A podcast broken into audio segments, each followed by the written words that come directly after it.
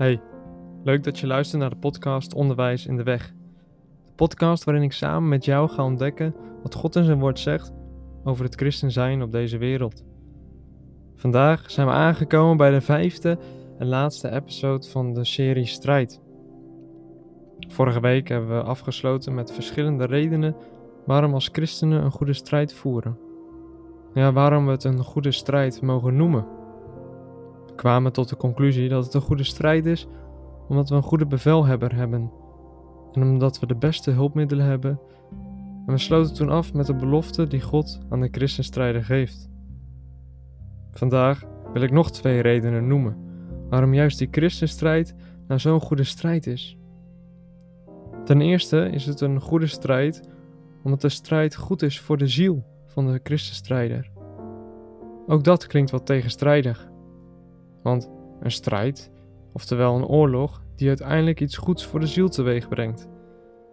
Ja, en toch is het een goede strijd.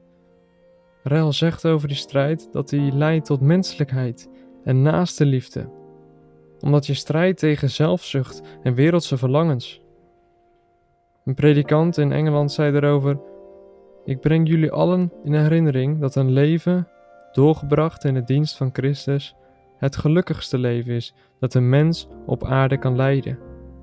Ja, de strijd die doet wel aan de ziel.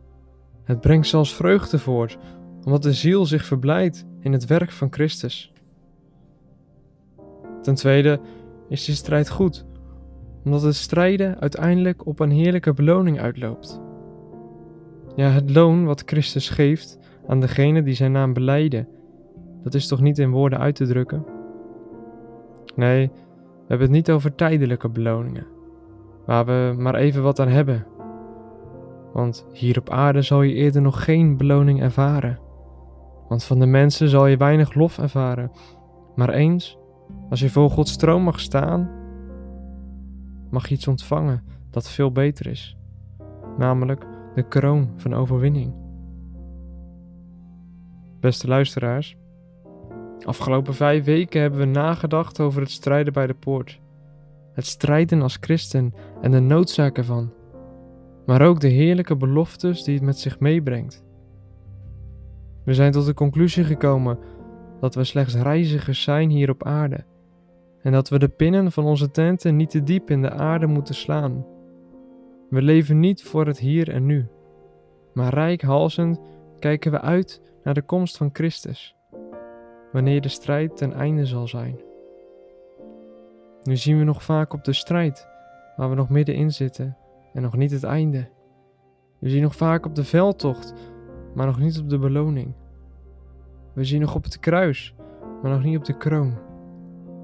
Maar eens zal dat allemaal geopenbaard worden. Als we zo dit onderwerp, deze serie afsluiten, heb ik ook nog een vraag voor je. Waar strijd jij voor? Wat houdt jouw strijd in? Is dat nog een strijd voor het hier en nu? De strijd voor ambitie? De strijd voor welvaart? Een strijd voor promotie? Mag ik je waarschuwen als dat het woord strijd voor jou inhoudt? Dan zal je eens erachter komen dat je een vergissing hebt gemaakt. Dan zal je zeggen: de strijd is gestreden, maar de overwinning is niet behaald. Nee, neem het kruis op achter Christus aan, nu het nog kan.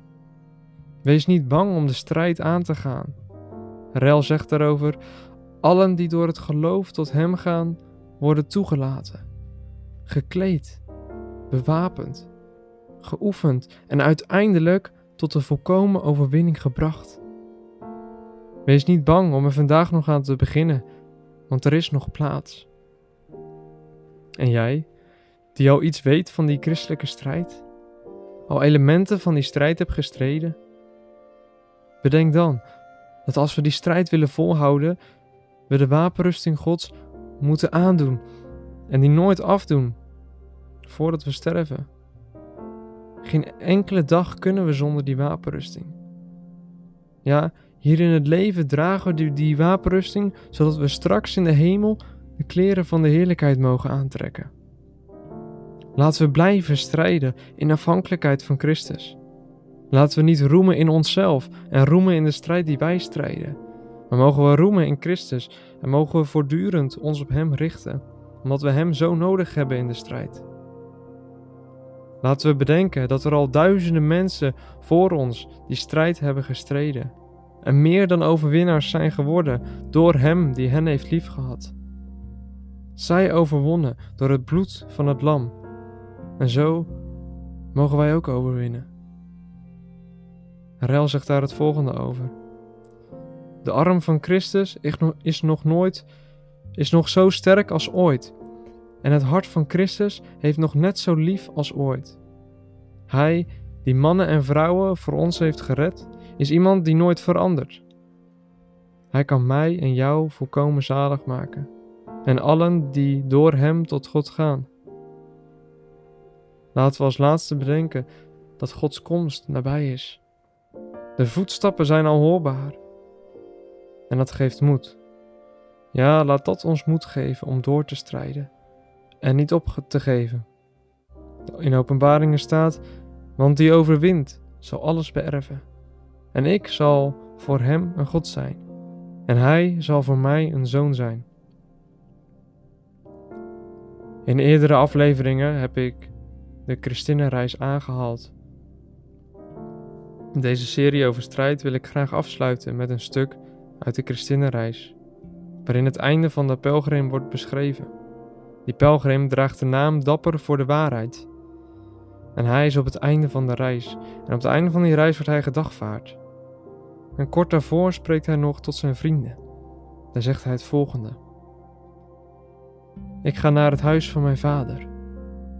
En hoewel ik daar met veel moeite ben gekomen, heb ik geen spijt van al de moeite waarin ik heb verkeerd om te komen waar ik ben. Ik geef mijn zwaard aan Hem die mij op mijn pelgrimstocht zal opvolgen, en mijn moed en mijn vaardigheid aan Hem die deze kan verkrijgen. Mijn littekens en schrammen zal ik met me meedragen, om voor mij te getuigen dat ik de veldslagen heb geleverd van Hem die nu mijn beloner zal zijn. Toen de dag was aangebroken dat hij, dat is die pelgrim, huiswaarts moest gaan, hebben velen hem tot aan de oever van de rivier verzegeld, waarin hij, toen hij naar beneden ging, heeft gezegd: O dood, waar is uw prikkel? En toen hij nog dieper ging, heeft hij uitgeroepen: O graf, waar is uw overwinning? Zo is hij heen gegaan. En alle bazuinen hebben aan de overzijde voor hem geklonken. Beste luisteraar, mag dit ook bij ons het einde zijn. We zijn aan het eind gekomen van deze serie over strijd. Komende maand hoop ik er tussenuit te zijn en voorbereidingen te treffen voor de volgende serie. En die serie die zal starten op de eerste woensdag van maart. Bedankt voor het luisteren van deze serie en deze podcast. En tot de volgende keer.